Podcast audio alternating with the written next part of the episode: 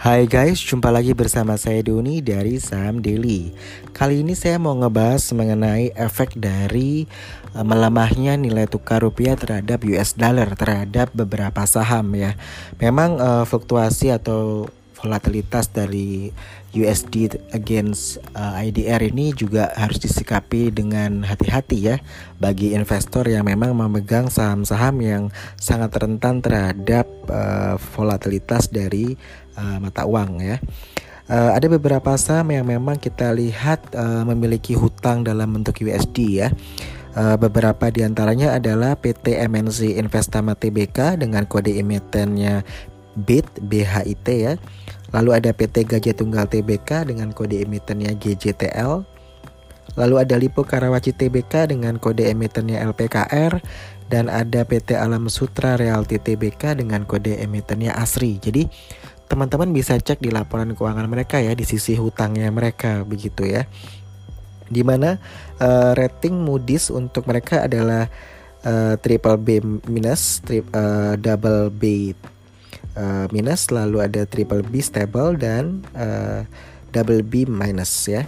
Nah kalau kita lihat memang uh, lebih dari 65% utang keempat emiten yang tadi saya sebutkan tersebut dalam denominasi dolar Amerika Serikat. Jadi memang kalau kita baca laporan keuangannya memang utangnya dalam bentuk US dollars ya yang paling dominan begitu.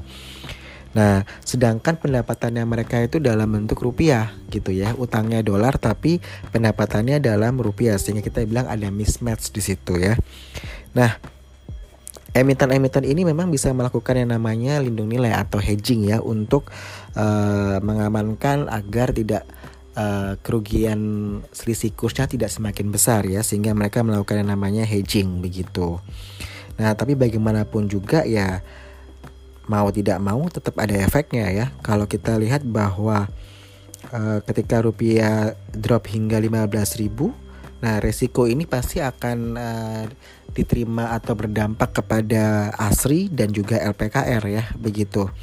Jadi memang ketika sudah dilakukan lindung nilai untuk mengamankan kondisi keuangannya bila uh, kurs uh, rupiah itu merosot, nah biasanya hedging ini mereka lakukan hingga level 4.500 per dolar Amerika Serikat ya.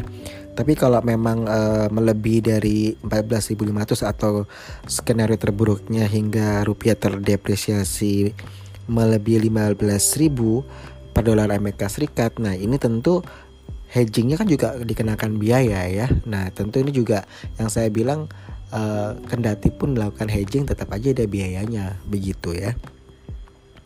Kalau kita lihat uh, di Asri aja ya, uh, dengan asumsi kurs 14.500 itu mereka menanggung beban premi hedging sekitar 20 miliaran. Jadi cukup besar ya untuk uh, biaya hedgingnya itu sendiri. Jadi walaupun hanya naik 2% dibandingkan periode yang sama uh, tahun sebelumnya, namun beban ini menjadi salah satu penyebab mengapa uh, laba sebelum pajak asri ini di kuartal 1 2019 kemarin itu merosot hingga 44% menjadi 174 miliar begitu.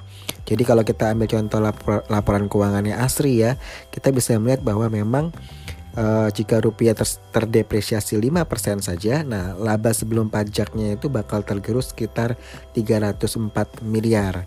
Namun jika kondisi sebaliknya terjadi, laba sebelum pajak bertambah 229,38 miliar. Jadi memang ini uh, selalu dimonitor ya bagi uh, perusahaan-perusahaan yang memiliki uh, hutang dalam bentuk uh, USD namun uh, dia punya pendapatan dalam bentuk rupiah. Sehingga ini kan dalam rangka uh, untuk likuiditas ya uh, mereka uh, memantau pembayaran hutangnya mereka. Sehingga mereka terus memonitor kurs pergerakan kurs lalu mereka melakukan hedging apabila memang diperlukan seperti itu.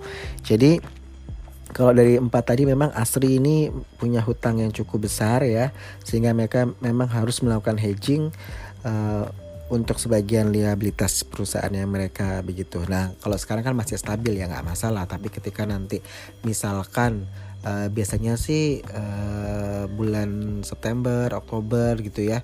Nanti kalau uh, utang yang maju tempo, nah itu biasanya mereka membutuhkan US dollar yang besar di situ ya ya memang ini kita boleh bilang uh, apa ya suatu resiko bisnis begitu ya ketika suatu perusahaan mereka uh, utangnya dalam bentuk US dollar tapi pendapatannya dalam bentuk rupiah. Beda kalau memang uh, Anda melakukan ekspor dalam bentuk dolar lalu pendapatannya kan tentu dalam bentuk dolar. Jadi kalau dolar uh, menguat atau rupiah melemah ya makin untung begitu ya. Seperti itu. Jadi memang uh, beberapa contoh saham ini yang bisa kita berikan uh, ilustrasi saja. Nanti teman-teman bisa lihat di laporan keuangannya secara detail. Oke, saya Doni dari Saham Daily out.